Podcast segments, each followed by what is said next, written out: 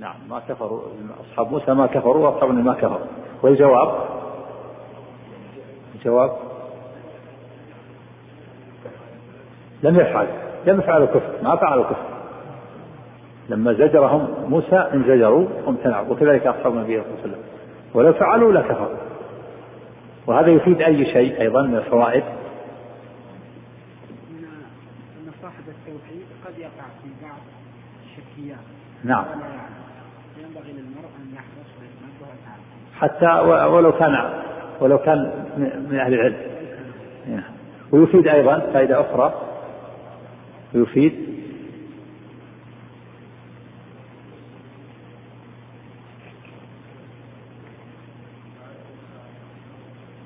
المسلم الجاهل الإنسان إذا تكلم عن جهل ثم نبه من ساعة وتاب فإنه لا يضره. ويفيد أيضا. طيب. إيه. أنه يغلظ عليه الإنكار. وإن لم وإن لم يكفر لكن يغلظ عليه الإنكار. ولهذا, ولهذا غلظ النبي آه، موسى عليه السلام عليه وقال إنكم قوم تجهلون وصفهم بالجهل مع علمهم وصلاحهم ونبينا صلى الله عليه وسلم كذلك غلظ عليهم وقال قلتم والذي نفسه كما قال بنو إسرائيل لموسى كما قال قوم موسى لموسى. جعل مقالة موسى مقالة ثم ذكر المؤلف رحمه الله شبهة للمشركين في قصة أسامة تصوير الشبهة قصة أسامة تصوير الشبهة. نعم. أن الله تعالى أن الرسول صلى الله عليه وآله وسلم. يعني قد أنب أسامة على قتل المشرك عندما قال لا إله إلا الله. نعم. فكأن فكأنهم يقولون أن لا إله إلا الله تمنع دم الإنسان وماله وأنتم الآن ويحكم عليه بالإسلام ولا يضره أي فعل يفعله بعد قول لا إله إلا الله. لأن الرسول صلى الله عليه وسلم غلظ على أسامة لما قتل رجلا من المشركين حينما قال لا إله إلا الله. وقال يا رسول الله إنه قال إنه قالها متعودا فالرسول أنكر عليه. فقال كيف تفعل بلا إله إلا الله إذا جاءت يوم القيامة؟ أظن في بعضها أنه يتبرأ من فعله. أبرأ كما فعل أسامة وجاء هذا في قصة خالد بن الوليد لما قتل بني جذيمة رفع عنه من يديه وقال اللهم إني أبرأ لك مما فعل خالد أو مما صنع خالد. قالوا هذا قصة أسامة تدل على أن إذا قال لا إله إلا الله فإنه يحكم بإسلامه.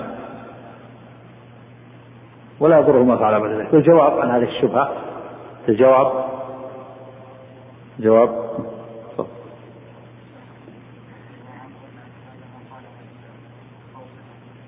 قالها تعودا اجتهد. أسامة اجتهد. اجتهد. وظن أنه قالها تعودا وأنه لم يكن تكلمه بالشهادة الشهادتين عن عن إيمان وصدق. ولهذا لما رفع عليه السيف قال لا إله إلا الله. فقال ظن أنه قالها متعودا وهذا بالنسبة لإيش؟ بالنسبة لأسامة وبالنسبة للحكم الشرعي في هذه المسألة. نعم. إيه؟ أن من دخل في الإسلام من جديد وقال لا إله إلا الله وكان لا يقولها قبل ذلك فإنه يكف عنه إذا قالها. وتعصم دمه وماله ثم وينتظر بعد ذلك يتبين. إن التزم بالإسلام الحمد لله. وإن لم يلتزم وفعل ناقصا قتل وفرق بين من يقولها من كان لا يقولها وبين من كان يقولها. إن اليهود كانوا يقولونها ولم تنفع والمنافقين يقولونها قبل ولم تنفعهم الرسول صلى الله عليه وسلم قاتل اليهود وهم يقولون لا إله إلا الله. لكن إذا كان الإنسان لا يقولها قبل ذلك ثم قالها يكف عنه. وتعصم دمه وماله حتى ينظر بعد ذلك. فإن التزم فالحمد لله وإلا يقاتل بدليل أن الله سبحانه وتعالى قال يا أيها الذين آمنوا إذا أردتم في سبيل الله فتبينوا. وإلا لم يكن هناك فائدة من التبين. قال سبحانه يا أيها الذين آمنوا إن جاءكم فاسق بنبأ فتبينوا. لو كان آه، إذا قالها يترك لم يكن هناك فائدة في التبين. وليتبين وينتظر. إن يلتزم فالحمد لله. وإن لم يلتزم وفعل ما يناقضها قتل بعد ذلك.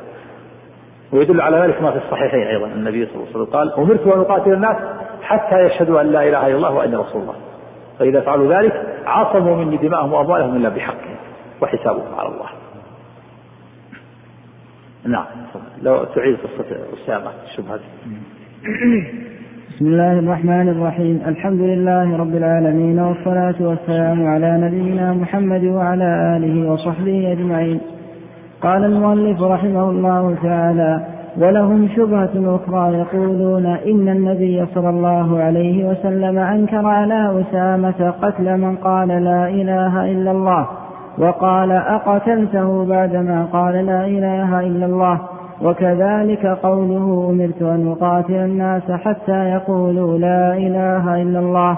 وأحاديث أخرى في الكف عن من قالها ومراد هؤلاء الجهلة أن من قالها لا يكفر ولا يقتل ولو فعل ما فعل فيقال لهؤلاء المشركين الجهال معلوم أن رسول الله صلى الله عليه وسلم قاتل اليهود وسباهم وهم يقولون لا إله إلا الله وأن أصحاب رسول الله صلى الله عليه وسلم قاتلوا بني حنيفة وهم يشهدون أن لا إله إلا الله وأن محمدا رسول الله ويصلون ويدعون الإسلام. وكذلك الذين لأنهم فعلوا ناقض. لأن بني حنيفة فعلوا ناقض. وهو قوله من مسلمة نبي. فانتقض انتقضت الشهادتين عليهم. مثل لو توضأ الإنسان وأحسن وضوء وتطهر وأحسن طهارة ثم أحدث. خرج من ريح وبول وغائط أو غائط. بطلت الطهارة. بطل الوضوء. فكذلك إذا قال لا إله إلا الله شهد أن لا إله إلا الله وأن محمد رسول الله وصلى وصام وقال إن هناك نبي بعد محمد عليه الصلاة والسلام. خلاص انتقض الإسلام والدين. فبنو حنيفة يشهدون أن لا إله إلا الله ويشهدون أن محمد رسول الله ويقيمون الصلاة ويصلون ويؤذنون. لكن لما قالوا أنه سيم نبي شارك محمد في النبوة كفر انتقض. انتقض توحيدهم وإيمانهم. بطل توحيدهم وإيمانهم. نعم. وكذلك الذين حرقهم علي بن أبي طالب وهؤلاء نعم الذين حرقهم علي بن أبي طالب من الخوارج من السبعية الذين يصلون ويصومون بل يجتهدون في الصيام والصلاة وتعلموا العلم من الصحابة. لما اعتقدوا هذه العقيدة وأنهم غلوا في علي حتى رفعوه إلى مقام الرب إلى مرتبة الألوهية كفر انتقض إسلامهم ودينهم فقاتلهم الصحابة وحرقوهم بالنار. نعم. وهؤلاء الجهلة مقرون أن من أنكر البعث كفر وقتل ولو قال لا إله إلا الله وأن من جحد شيئا من أركان الإسلام كفر وقتل ولو قال لا إله إلا الله وأن من جحد شيئا من أركان من أركان الإسلام كفر وقتل ولو قال لا إله إلا الله فكيف لا تنفعه إذا جحد شيئا من الفروع؟ وتنفعه إذا جحد التوحيد الذي هو أصل دين الرسل ورأسه. هذا يقول أن هؤلاء الذين أوردوا هذه الشبهة من المشركين مقرون بأن الإنسان لو جحد الصلاة ما نفعت لا إله إلا الله. انتقض الإسلام والدين. وإذا جحد الزكاة كذلك. وإذا جحد الصوم كذلك. وإذا جحد البعث كذلك. فكيف إذا جحد فرعا من فروع الدين يكفر وإذا جحد التوحيد لا يكفر؟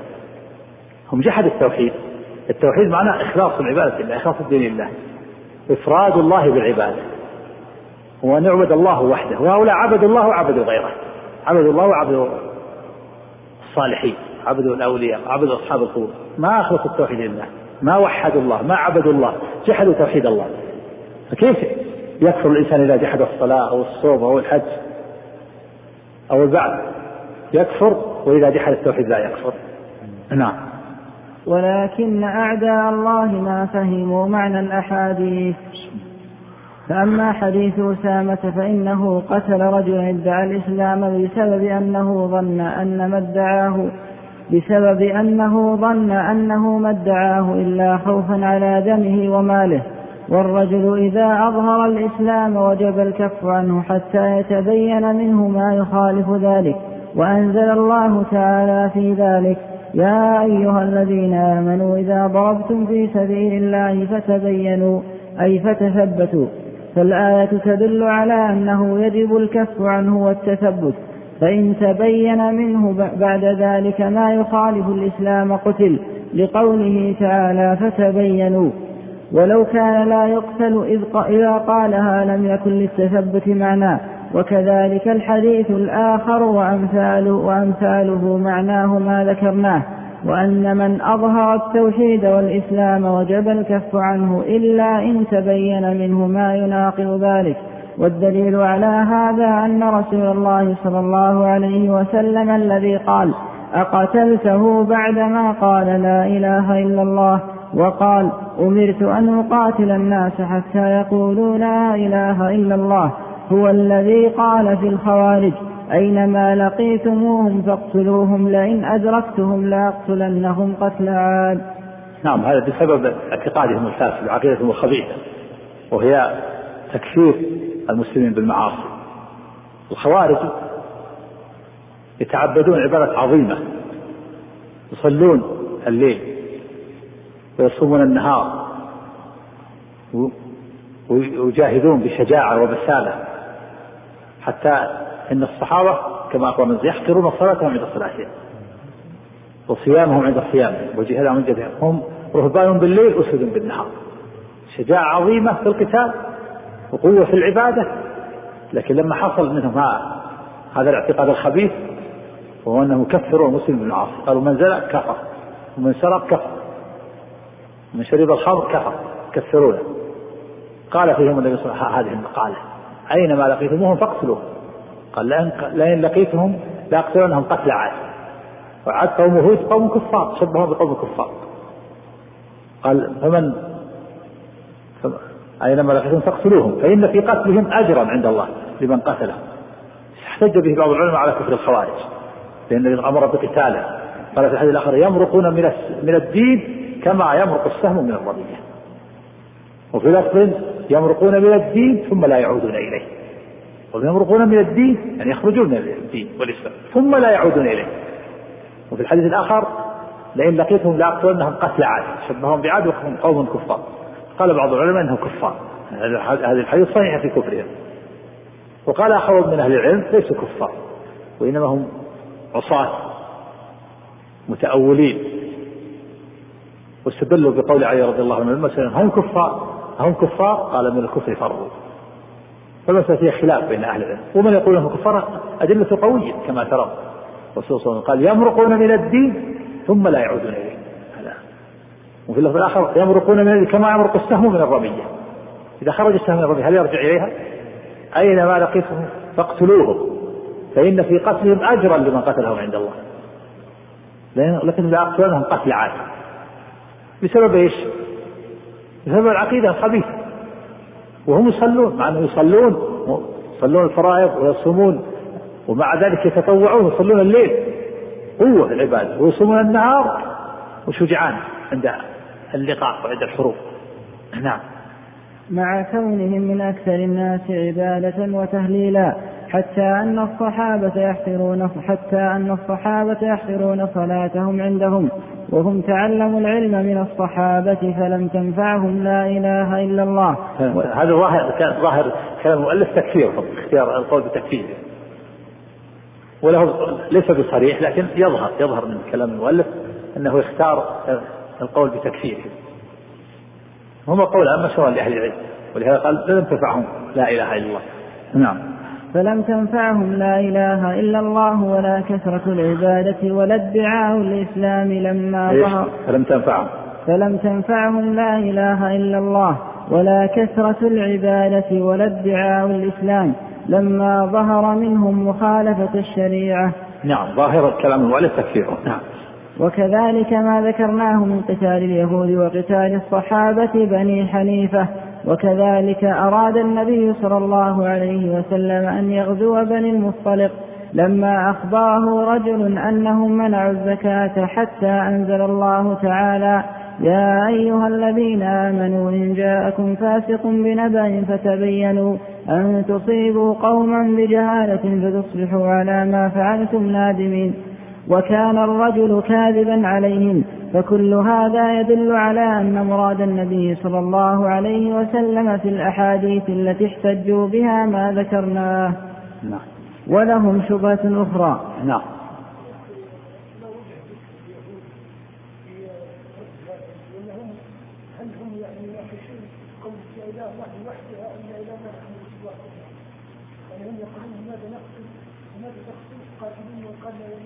اي نعم. من قال لا إله إلا الله هم يقولون نحن نقول لا إله إلا الله يقول المؤلف اليهود يقولون لا إله إلا الله ولا نفعل. والشهادة الثانية لازمة لها.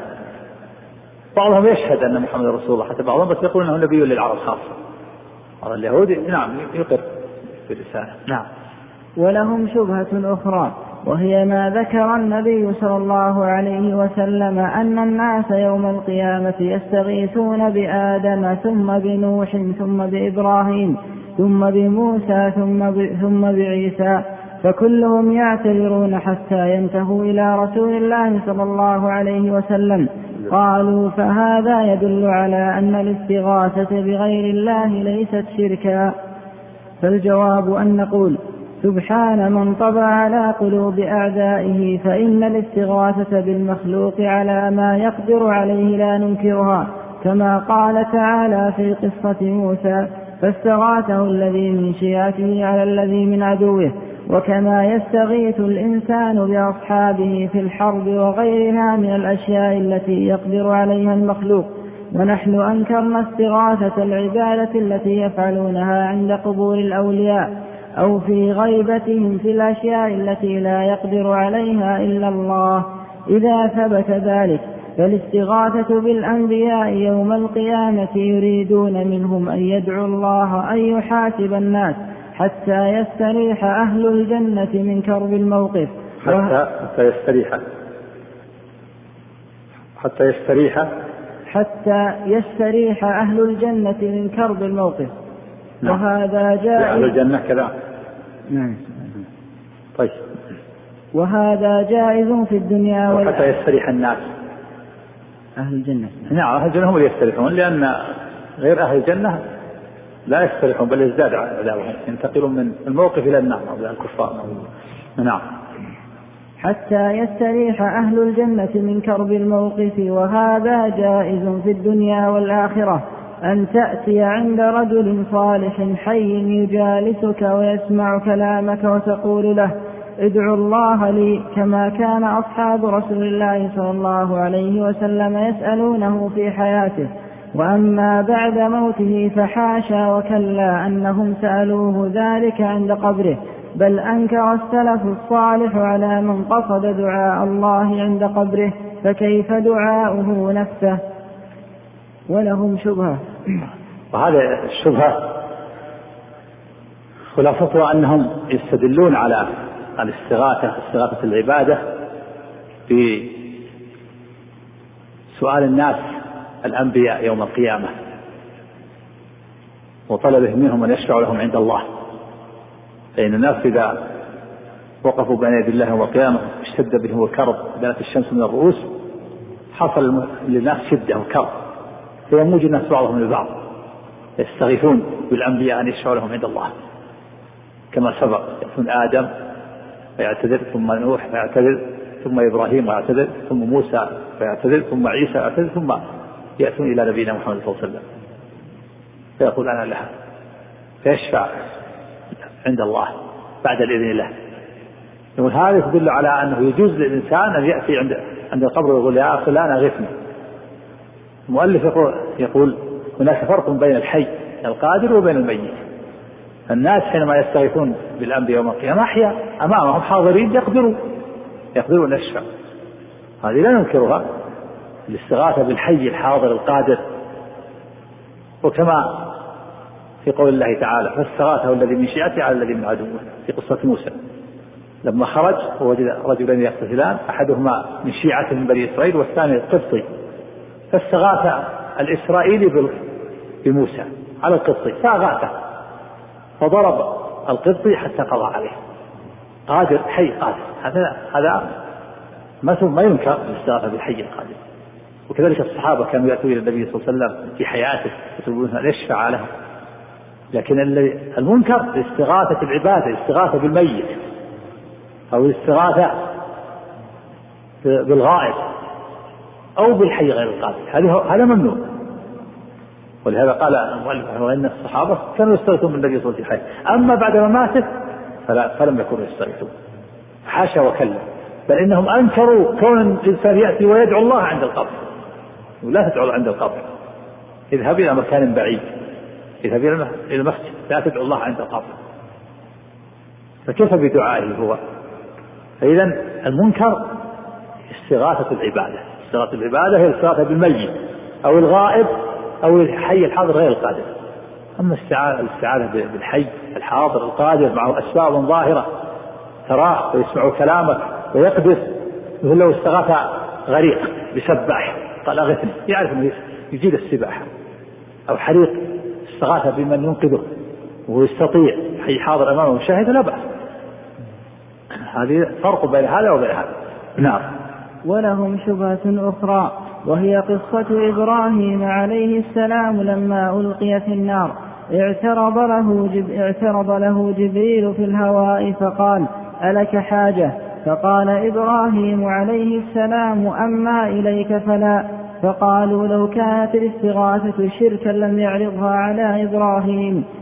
فالجواب أن هذا من جنس الشبهة الأولى فإن جبريل عرض عليه أن ينفعه بأمر يقدر عليه فإنه كما قال الله تعالى فيه شديد القوى فلو أذن الله له أن يأخذ نار إبراهيم وما حولها من الأرض والجبال ويلقيها في المشرق أو المغرب لفعل ولو أمره أن يضع إبراهيم عليه السلام في مكان بعيد عنهم لفعل ولو أمره أن يرفعه إلى السماء لفعل.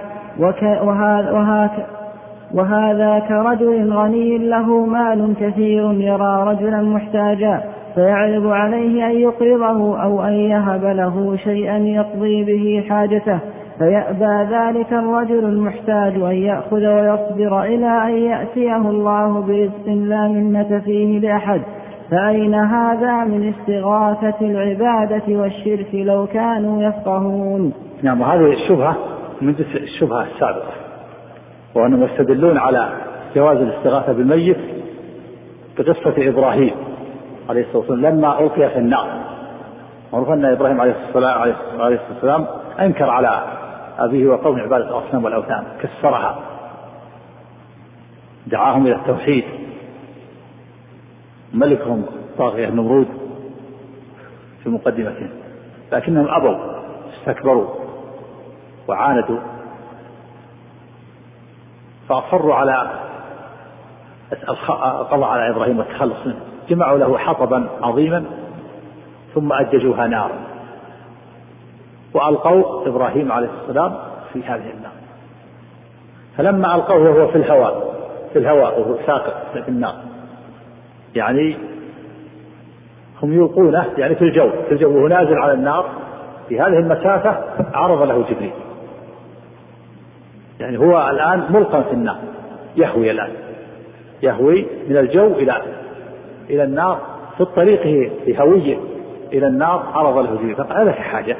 هل تريد أساعدك؟ قال إبراهيم قوة توحيده وإيمانه وتعلقه بالله؟ أما إليك فلا وأما إلى الله فبلا أما إليك فلا وأما إلى الله فبلا جاء الفرج أسرع. فرج من الله أسرع من إغاثة جبريل. قال الله قلنا يا نار كوني بردا وسلاما على إبراهيم. قال الله تعالى إنما أمره إذا أراد شيئا أن يقول له كن فيكون. فلما قال الله للنار كوني بردا وسلاما على إبراهيم صار جو معتدل جو النار. معتدل. قال العلماء لو قال الله كوني بردا لمات إبراهيم من شدة البرد. النار. صارت برد ثلج. فمات من شدة البرد. ولو تركها على حالها لمات إبراهيم من شدة حرها. فلما قال الله كوني بردا وسلاما صار جو النار معتدل. لا حر ولا بارد. صار جو معتدل. ما تضره. ما تضره النار. ما يموت من شدة الحر ولا يموت من شدة البرد يقول الله كوني بردا لمات من شدة البرد والثلج. ولو تركها على حالها لمات من شدة الحر. فلما قال الله كوني بردا وسلاما صار جو معتدل. جو النار الذي ألقي فيها إبراهيم معتدل. لا حر ولا برد. ما تضره. لا يضره البرد ولا الحر. هذا أسرع من إيش؟ أسرع من إغاثة جبريل. جبريل عرض له في الهواء وقال هل لك حاجة؟ قال لا. إليك؟ ليس لي حاجة. أما إليك فلا. وأما إلى الله فبلى. قالوا هذا دليل على جواز الاستغاثة بالميت. لأن جبريل عرض لإبراهيم في الجو وقال له وعرض عليه الاستغاثة. والجواب أن أن الاستغاثة من بالحي الحاضر القادر لا بأس به. وجبريل حي حاضر قادر أعطاه الله القوة والقدرة. لأنه كما قال الله شديد القوة. وله ستمائة جناح. كل جناح يملأ ما بين السماء والأرض.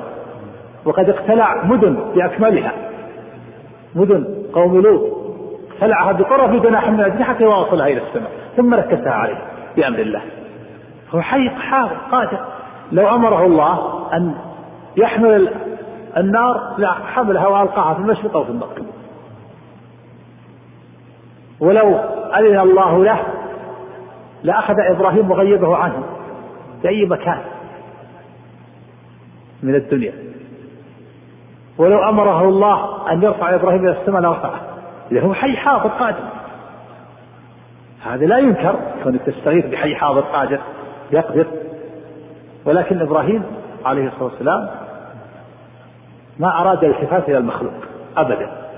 مهما كان مهما كان قادر ولو كان قادر. يريد أن يتعلق بالله فقط ولا يتعلق بغيره. وضرب المؤلف رحمه الله مثل لهذا. قال هذا مثل رجل غني وفقير.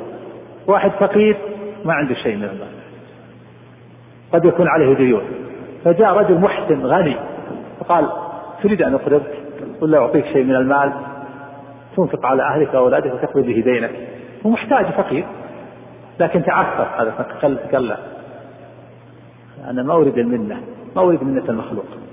ولو كنت ولو كنت محتاج. أصبر. وصبر حتى يأتيه الله برزق من عنده. لا منة فيه لأحد. ولو كان هذا الغني محسن وعرض عليه قال صحيح.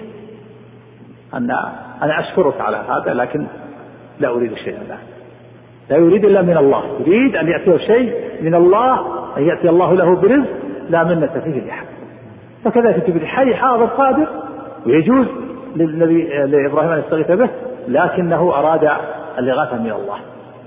لا من أحد من المخلوقين. هذا جواب الشبهة نعم.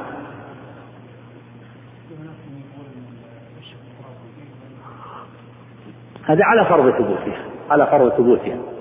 المؤلف استفاد منها بقطع النواقض على على فرض ثبوتها هذا هو الجواب. لكن هم استدلوا بها. هذا على على أقول بالصحه إذا لم تصح ما في إشكال ما يضر. صارت الشبهة من أساسها لا. ساقطة. نعم. ولنختم الكلام إن شاء الله. لكن ثبت في صحيح البخاري عن ابن عباس رضي الله عنهما أن النبي صلى الله عليه وسلم قال حسبي حسبنا الله ونعم الوكيل. قالها إبراهيم حين ألقي في النار. وقالها محمد صلى الله عليه وسلم حين قالوا له إن الناس قد جمعوا لكم فاخشوهم فزادهم إيمانا وقالوا حسبنا الله ونعم الوكيل. حسبنا الله يعني كافينا الله. إبراهيم قال لما ألقي قال حسبنا الله ونعم الوكيل. ثابت في صحيح البخاري. حديث. حسبنا الله يعني الله كافي. جاء جاءه الكفاية من الله. الكفاية أسرع من لمح البصر. قال الله ما هي كفاية الله؟ فقال الله كوني يا نار قلنا يا نار كوني بردا وسلاما على إبراهيم. فكفاه الله شر هذه النار وشر الأعداء. حسبنا الله ونعم الوكيل. يعني الله كافيني ونعم الوكيل. كفاه الله. لأنه صدق في قول حسبنا الله ونعم الوكيل. امتلأ قلبه إيمانا وخشية وكفاية بالله عز وجل. وقالها النبي صلى الله عليه وسلم بعد غزوة أحد لما حصلت الجرحات على الصحابة. وجاء بعض الناس وقال النبي صلى الله عليه وسلم إن أبا سفيان قد أعد العدة ومعه من الجيش يريد أن يستأصل البقية الباقية من المسلمين. فقال النبي صلى الله عليه وسلم حسبنا الله ونعم الوكيل. فكفاه الله شر أعدائه من المشركين. نعم. ولنختم الكلام إن شاء الله تعالى بمسألة عظيمة مهمة جدا تفهم مما تقدم ولكن نفرد لها الكلام لعظم شأنها ولكثرة الغلط فيها فنقول لا خلاف أن التوحيد لا بد أن يكون بالقلب واللسان والعمل فإن اختل شيء لا خلاف. لا خلاف أن التوحيد لا بد أن يكون بالقلب واللسان والعمل فإن اختل شيء من هذا لم يكن الرجل مسلما فإن عرف التوحيد ولم يعمل به فهو كافر معاند كفرعون وإبليس وأمثالهما. وهذا يغلط يغلط فيه كثير من الناس يقولون هذا حق ونحن نفهم هذا ونشهد أنه الحق ولكن لا نقدر أن نفعله ولا يجوز عند أهل بلدنا إلا من وافقهم وغير ذلك من الأعذار. ولم يدر المسكين أن غالب أئمة الكفر يعرفون الحق ولم يتركوه ولم يتركوه إلا لشيء من الأعذار كما قال تعالى. ولم يتركوه. ولم يتركوه إلا لشيء من الأعذار كما قال إلا لشيء من الأعذار كما قال تعالى. ولم يتركوه. ولم يتركوه إلا لشيء من الأعذار كما قال تعالى. اشتروا بآيات الله ثمنا قليلا وغير ذلك من الآيات كقوله يعرفونه كما يعرفون أبناءهم فإن عمل بالتوحيد عملا ظاهرا وهو لا يفهمه ولا يعتقده بقلبه فهو منافق. فإن عمل بالتوحيد. فإن عمل بالتوحيد عملا ظاهرا وهو لا يفهمه ولا يعتقده بقلبه فهو منافق وهو شر من الكافر الخالق. إن المنافقين في الدرك الأسفل من النار. وهذه المسألة مسألة كبيرة طويلة. نعم هذه المسألة كما ذكر المؤلف رحمه مسألة عظيمة.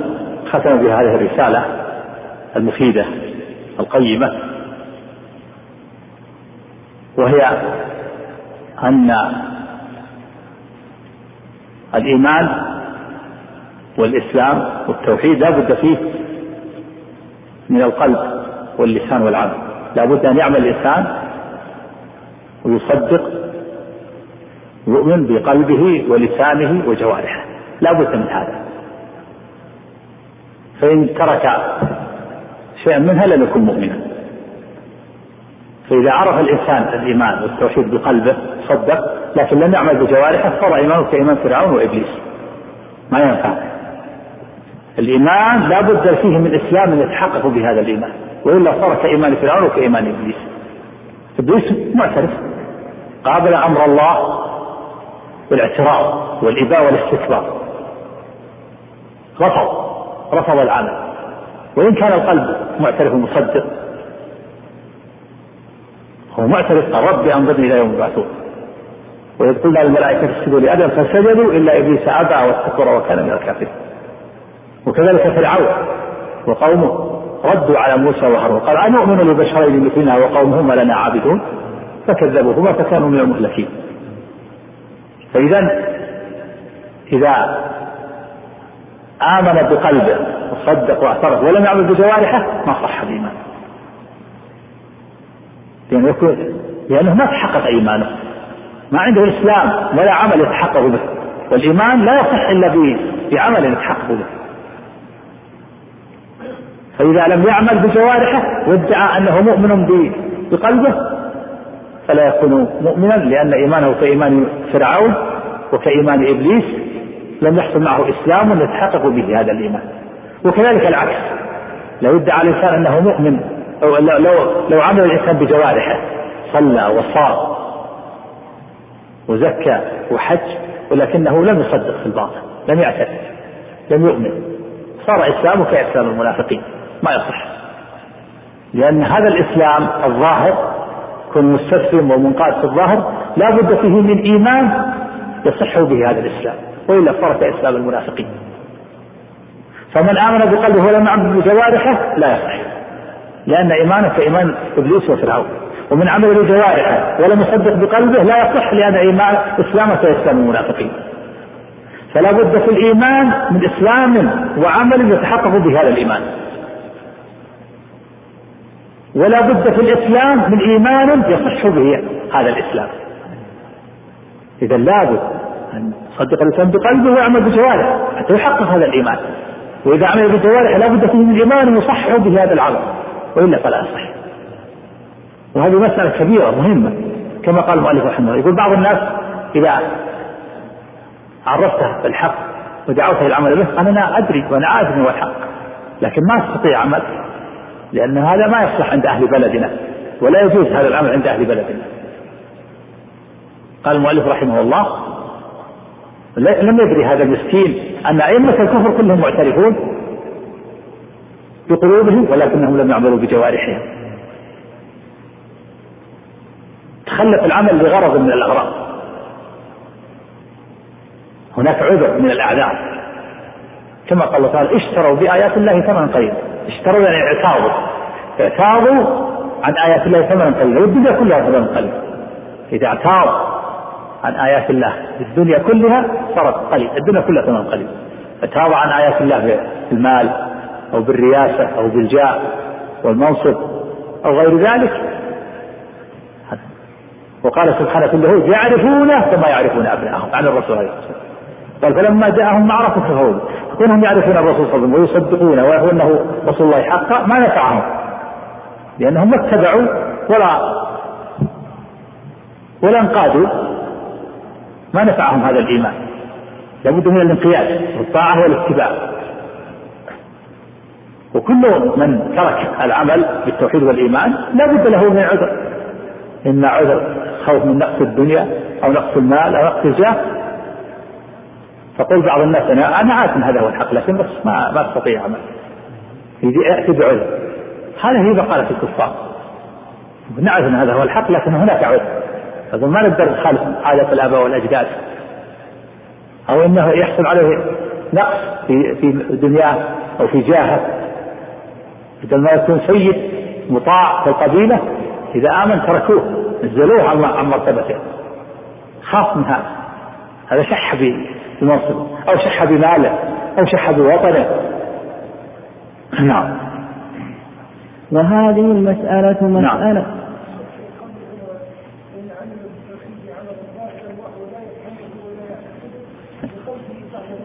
إيش؟ معنى كلمة لا يفهمه هل المقصود أن العمل لم لم يشرك؟ هكذا ولكن لا يفهم شروط لا إله إلا الله. لا لم يفهم الإيمان ما عرف حقيقة الإيمان حقيقة التصديق. لم يفهمه؟ يعني أو لا آه، لم يؤمن يعني ما آمن ما آمن ولا اعترف ولا انقاد مثل المسلمين. المسلمين مثل المنافقين في زمن النبي صلى الله عليه وسلم عبد الله بن أبي رئيس المنافقين يصلي مع النبي صلى الله عليه وسلم ويجاهد. وقد انخذل بثلث الجيش يوم أحد. يصلي الجمعة وجماعه مع النبي صلى الله عليه وسلم. لكن ما عنده إيمان ما ما نفع كذلك صار المنافقين. إسلام بدون إيمان. إسلام في الظاهر في الجوارح. لكن في الباطن ليس مؤمنا ولا منقادا. فما ينفع الإسلام الظاهري الجوارح مسلمة والقلب غير مؤمن وغير مصدق. وغير منقاد. واضح هذا؟ الجوارح الإسلام الأعمال التي يعملها في الجوارح لا بد فيها من الإيمان يصح به هذا الإسلام. كما أن الإيمان الباطن إذا ادعى الإنسان أنه مؤمن باطن ولم يعمل ما صح الإيمان. صار كإيمان فرعون وإبليس. لا بد من في هذا الإيمان الباطني من إسلام يتحقق به هذا الإيمان. وإلا صار كإيمان إبليس وفرعون. وقولهم ما أستطيع أعمل لأجل كذا ولأجل كذا ما ما ما يعفيه لأن كل من ترك الإيمان له عذر له عذر من أعذار الدنيا. مشحة بالمال أو مشحة بالوطن أو مشحة بالرياسة والجاه يخاف يضيع عليه المنصب أو يخاف ينقص ماله أو يضيع ماله. هذا ما يعفيه نعم. وهذه المسألة مسألة كبيرة طويلة. رحمه الله مسألة عظيمة. نعم. تتبين لك إذا تأملتها في ألسنة الناس. نعم كثير من الناس يقول أنا ما أقدر أنا أعرف أن هذا حق لكن ما أقدر أعمل. ما ما يفعل عذر. أقدر أعمل في موانع عندي عندي مانع. ولا أعرف أن هذا هو الحق. يقول كونك تعرف ما, ما يكفي هذا ما يعطيك حتى تعمل. اعرف واعمل. تؤمن وتحقق هذا الإيمان. أما قلت إني أعرف أن هذا هو الحق لكن ما أستطيع ما ما أستطيع العمل لا ما ينفع. لابد من إيمان وعمل. معرفة وعمل إبليس يعرفه فرعون يعرفه لكن ما عملوا ما نفعتهم هذه المعرفة. نعم. ترى من يعرف الحق ويترك العمل به لخوف نقص دنيا أو جاه أو مداراه. نعم خوف نقص منصب. أو نقص مال أو لأجل مداراة الناس حتى يداريه حتى ما يحصل بينه وبينهم خصومة ولا نزاع. حتى يكون موافق لهم يداريهم ما ينفع. ما يعطي هذا. نعم. وترى من يعمل به ظاهرا لا باطنا. كالمنافقين. يعمل في الظاهر لكن في الباطن غير غير مصدق. نعم. فإذا سألته عما يعتقد بقلبه فإذا هو لا يعرفه. لا لا يعرفه. أو لا لا, لا ينقاد يقول أنا أعمل عشان موافقة للناس. ولا أن هذا ما هذا العمل ما أنا ما ما أعترف به ولا ولا أوافق عليه. لكن أعمل مجاراة للناس. ما يعطي هذا ما ينفع. نعم. ليه؟ لا مداراة عندك مداهنة عندك؟ إيه؟ مداراة أو مداهنة كلاهما في هذا الأمر. لا يجوز المداراة ولا المداهنة في هذا في دين الله خصوصا في هذا في هذا الأمر. أما المداراة في في بعض المسائل وهي عدم الإنكار على الفاسق أو العاصي خوفا من شره في بعض الأحيان تؤجل إلى وقت آخر لا بأس بها. كما ثبت النبي صلى الله عليه وسلم دخل عليه رجل استأذن قال ائذن له بئس أخو العشيرة أو ابن العشيرة. ثم لما دخل أعلن له الكلام قالت له عائشة فقال يا عائشة متى عهدتني فاحشة؟ إن شر الناس من ودعه الناس وطرف من تقع وحشي. إذا كان صاحب شر ثم داريت لا بأس. أما المداهنة لا. معناه معاشرة الفاسق. معاشرة الفاسق وإقراره على المنكر وعدم الإنكار عليه. هذا لا تجوز. مداهنة ولهذا قال النبي ودوا يفتنوا ويتنون ودوا يعني كفار لو تدهنهم في دين الله فيداهن لك. خلاف المداراة؟ مداراة جائزة لدفع شر الفاسق. وهي إلانة القول له وعدم الإغلاظ له مدارة له. أما المداهنة معناه إقرار الفاسق على منكره مداهنة له. وهذه المسألة أيضا كذلك يكون ترك العمل لأجل المدارة ما ما يصلح. أو المداهنة نعم. ولكن عليك بفهم آيتين من كتاب الله. أولاهما ما تقدم من قوله لا تعتذروا قد كفرتم بعد إيمانكم فإذا تحققت أن بعض الصحابة الذين غزوا الروم مع الرسول صلى الله عليه وسلم كفروا بسبب كلمة قالوها على وجه اللعب والمزح تبين على وجه اللعب. على وجه اللعب والمزح تبين لك أن الذي يتكلم بالكفر أو يعمل به خوفا من نقص مال أو جاه أو مداراة لأحد أعظم ممن يتكلم بكلمة يمزح بها. نعم وهذه مسألة مهمة. يقول المؤلف تدبر هذه الآية. وهي قوله تعالى في الجماعة الذين تكلموا بهذه الكلمات في غزوة الروم في غزوة تبوك في غزوة الروم أبالله وآياته ورسوله كنتم تستهزئون؟ لا تعتذروا قد كفرتم بعد إيمانكم. فأثبت لهم كفرا بعد الإيمان. بسبب كلمة قالوها على وجه البذح واللعب قالوا إن الصحابة الرسول والصحابة هم يأكلون كثير ويكذبون ويجبنون عند اللقاء. قالوا هذه الكلمة على وجه المزح واللعب حتى يقطعوا الطريق. فلم يعذرهم الله. وكفرهم بعد إيمانهم. فإذا كان الإنسان إذا تكلم بكلمة الكفر على وجه المزح واللعب يكون كافر ولا يعذر فكيف بالذي يتكلم بكلمة الكفر من أجل خوفا من نقص مال أو خوفا من نقص جاه أو مداراة أو مداهنة يكون كفره أعظم ولا ولا من باب أولى يكون كفر؟ يكون من باب أولى. فإذا كان الذي يتكلم بكلمة الكفر نازحا على وجه المزح واللعب يكفر فالذي يتكلم بكلمة الكفر خوفا من نقص مال أو خوفا من نقص جاه أو مداراة يكون الكفر من باب أولى. هذه مهمة يقول ما تدبر هذه الآية. نعم.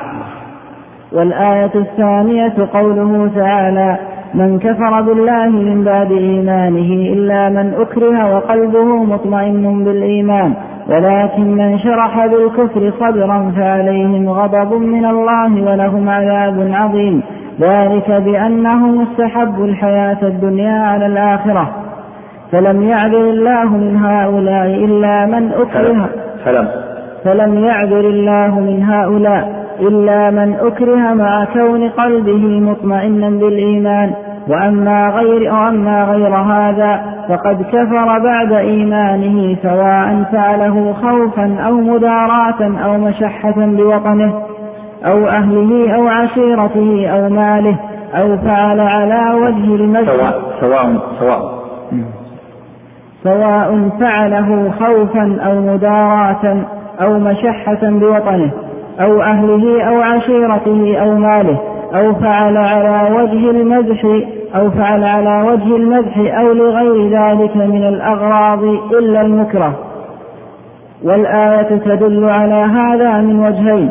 الأول قوله إلا من أكره فلم يستثن الله تعالى إلا المكره. ومعلوم أن الإنسان لا يكره إلا على العمل أو الكلام وأما عقيدة القلب فلا يكره أحد فلا يكره أحد عليها. والثاني قوله تعالى ذلك بأنه مستحب الحياة الدنيا على الآخرة فصرح أن هذا الكفر والعذاب لم يكن بسبب الاعتقاد أو الجهل أو البغض للدين أو المحب فصرح فصرح أن هذا الكفر والعذاب لم يكن بسبب الاعتقاد أو الجهل أو البغض للدين أو محبة الكفر وإنما سببه أن له في ذلك حظا من حظوظ الدنيا فآثره على الدين. والله سبحانه وتعالى أعلم وصلى الله على نبينا محمد وآله وصحبه أجمعين. وهذه الآية أيضا آية عظيمة. كما قال المؤلف يجب على المسلم أن يتدبرها وهي قول الله تعالى في سورة النحل من كفر بالله من بعد إيمانه إلا من أكره وقلبه مطمئن بالإيمان ولكن من شرح بالكفر صدرا فعليهم غضب من الله ولهم عذاب عظيم. وهي أن من كفر فإنه لا يعذر في الكفر إلا في حالة واحدة وهي حالة الإكراه. بشرط بشرط أن يكون قلبه مطمئنا بالإيمان. فإذا أكره بأن وضع السيف على رقبته وقيل اكفر وإلا قتلناك جاز له أن يتكلم بكلمة الكفر أو يفعل الكفر. أو هدد من هدده إنسان أو سلطان ظالم أو أو ظالم بأن يقول كلمة الكفر. وهو قادر على التنفيذ. ثم تكلم بكلمة الكفر أو فعل الكفر. وقلبه مطمئن بالإيمان هذا معلوم. بهذا الشرط. الإكراه بشرط أن يكون قلبه مطمئنا بالإيمان. فإن انشرح صدره للكفر كفر ولا أكره. لو أكره ثم انشرح صدره للكفر كفر. لكن لابد أن يكون مكره ويكون قلبه مطمئن بالإيمان. فهذا معذور أما غير مكره فلا يكون معذور إذا كان في حالة سعة ثم تكلم بكلمة الكفر. إذا كان حال خوف خايف خايف لكن ما أكره لا يكون معذور إذا تكلم بالكفر أو فعل الكفر خائف فلا يكون معذورا متى يكون معذورا؟ في حالة الإكراه فقط. بشرط أن يكون قلبه مطمئن بالإيمان. فإن فإن شرح فإن لم يطمئن قلبه بالإيمان وإن شرح صدره بالكفر كفر حتى مع الإكراه. والآية تدل على هذا من وجهين. الوجه الأول أن أن الله قال إلا من أكره فلم يستثني إلا المكره. فغير المكره كالخائف وغير الخائف لا يكون معذورا. والحالة الثانية قول ولكن من شرح بالكفر صدرا. فعليهم غضب من الله ولهم عذاب عظيم.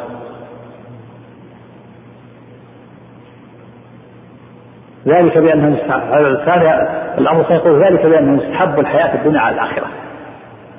يعني أن الذي حملهم على ذلك هو أن لهم حظا من حظوظ الدنيا.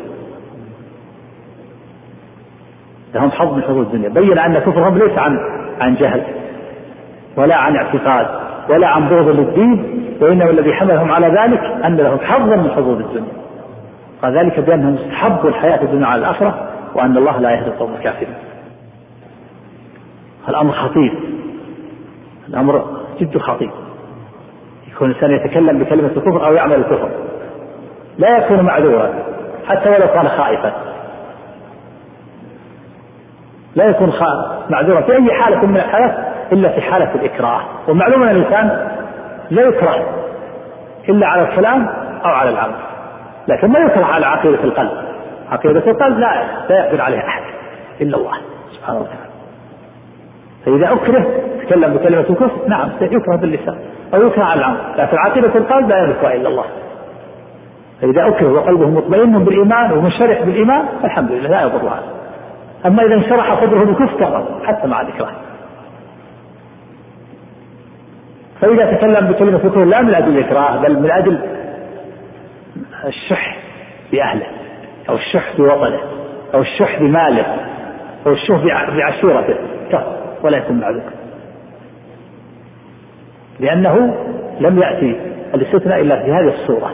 الإكراه بشرط اطمئنان القلب بالإيمان لابد من الأمرين إكراه واطمئنان القلب بالإيمان فإذا تخلف واحد منهما فلا يكون. إذا أكره ولم يطمئن قلبه بالإيمان كفر. إذا اطمأن قلبه بالإيمان. ولكن تكلم بكلمة الكفر لا عن إكراه كفر. واضح هذا؟ طيب من يعيد المسألة هذه؟ اللي ختم بها المؤلف رحمه الله؟ لأهميتها. نعم.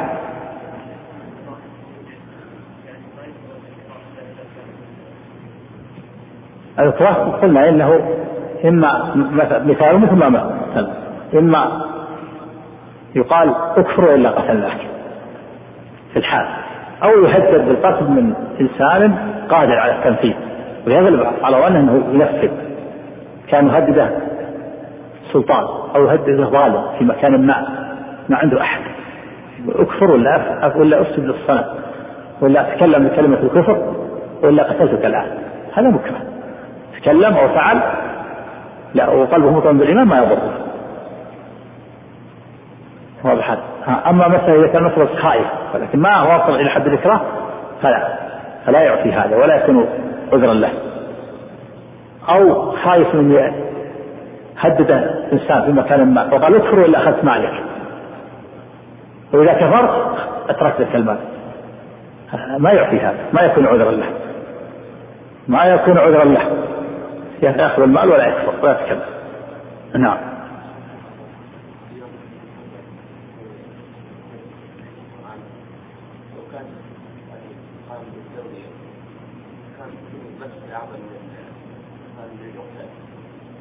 هذه مسألة أخرى الكلام الكلام في الجواز في الجواز.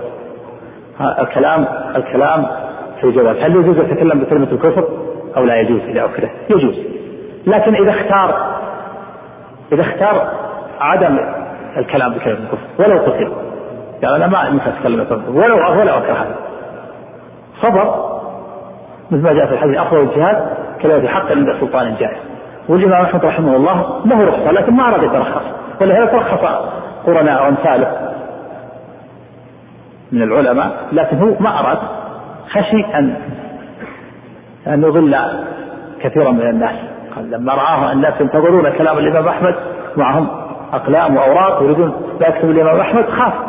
خاف أن يضلهم وصبر على الفتنة. وإلا له رخصة. لكن إذا قال الإنسان ما أنا ما أريد الرخصة. يريد أن يحمل نفسه على على الشدة. ويتخير الأمر الشد لا بأس. لو قال قال له إنسان اكفر وإلا قتلتك. قال لا لي ولا أكفر. هذا ما عمل بالرخصة أخذ بالأمر الأشد واجب على الله. لكن هل يجوز؟ له أن يترخص ولا ما يجوز؟ يجوز أن يترخص. متى يترخص؟ في هذه الحالة. إذا أكره وقلبه مطمئن بالإيمان نعم.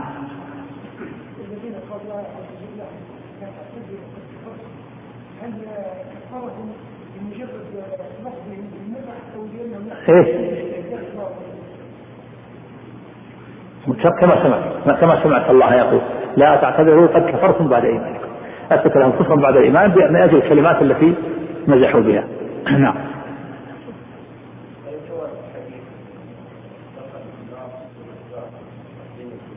إيه؟ أولا هذا في شرع من قبلنا. هذا في شرع من قبلنا. دخلوا الجنة في ذباب ودخلوا الجنة في ذباب. ثانيا أنه مر رجلان على قوم لهم صنم لا يجوز أحد حتى يقرب له شيئا. فمر أحدهم فقالوا له قرب. قال ما عندي شيء يقرب. قالوا قرب ولو ذباب فقرب ذباب ما مانع جاهز جاهز لما قالوا قرب ذباب قرب ذباب قال اذا كان يرضيكم الذباب سهل. ما ما عنده مانع. ظاهر أنه ما وصل إلى حد الإكراه. فظاهره اولا هذا في شرع من قبلنا. هذا في شرع من قبلنا. قد قال إنه إنه لا إنه ليس له رخصه في الإكراه. وثانيا لو سلمنا أنه أن هذا عام فنقول إنه إنه ظاهره إنه ما لحد الإكراه. لأن هذا اللي قال قرب ما مانع ما عنده ممانعه قالوا قرب ولو ذبابا قرب ذباب مانع. ما ما في ممانعة ما حصل بينه وبين ممانعة حتى يصل إلى حد الرجاء والإكراه. نعم. نعم.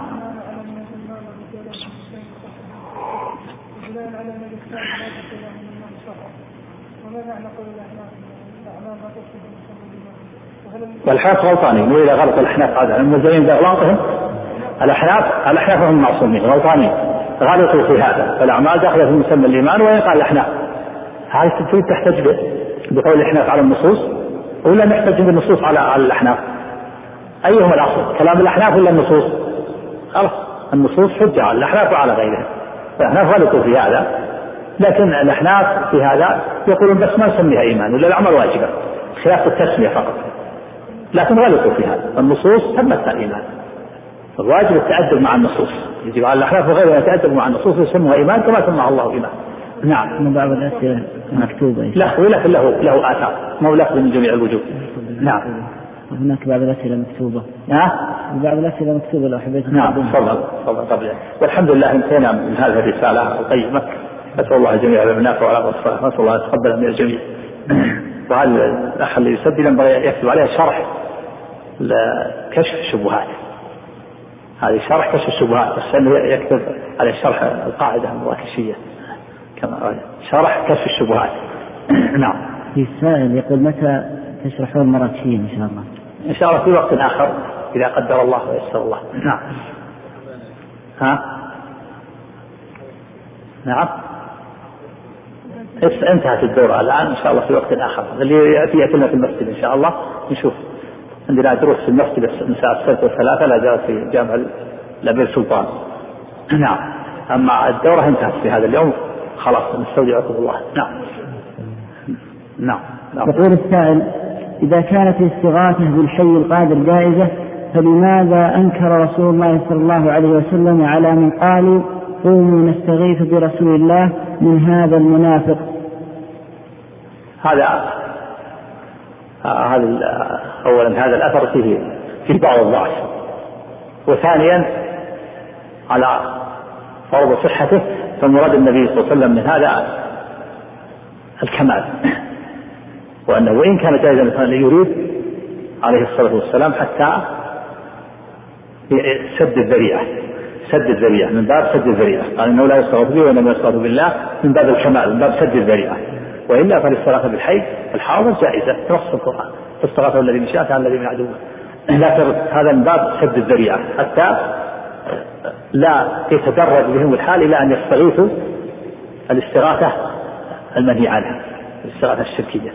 مع أن الحديث فيه ضعف تكلموا فيه لكن لا فرض صحته المراد سد الذريعة والكمال. نعم. وهذا السائل يقول هل يقر علي رضي الله عنه على ما فعله بتحريقهم بالنار؟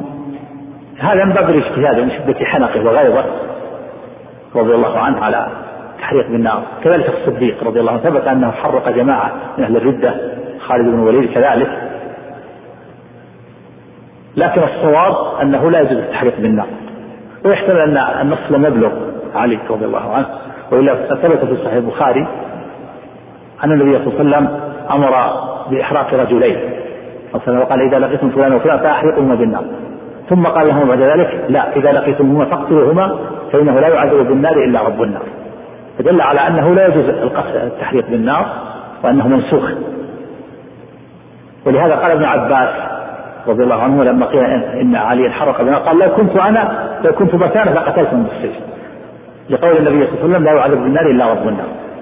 هذا يحتمل ان أن النص خفي على علي رضي الله عنه ويحتمل انه من شده حنقه وغضبه عليهم. بسبب غلوهم فيه حرقهم بالنار. وإلا فالصواب أنه التحريق بالنار لا يجوز. هذا من خصائص الله. ومثل ذلك أيضا تحريق الحيوانات أو الدواء أو النامس. إذا كان هناك نامس بعض الناس يحرق يجعل الناموسية من الكهرباء. هذا تعريض بالنار. ينبغي أن قتل النامس بغير بغير الكهرباء لأن الكهرباء نار. نعم. وهذا سائل يقول الذي يقول كلمة الكفر وقلبه مطمئن بالإيمان ولكن قالها خوفا على عرضه أو أهله هل يكفر؟ نعم. ما استثنى الله إلا مكره ما استثنى الله إلا مكره نص القرآن. قال إلا من أكره أما الخائف فلا يستثنى. لا بد أن يصل إلى درجة الإكراه. إذا كان مكره وقلبه مطمئن بالإيمان هذا المعذور. وأما غيره فلا يعذر. نعم. ها؟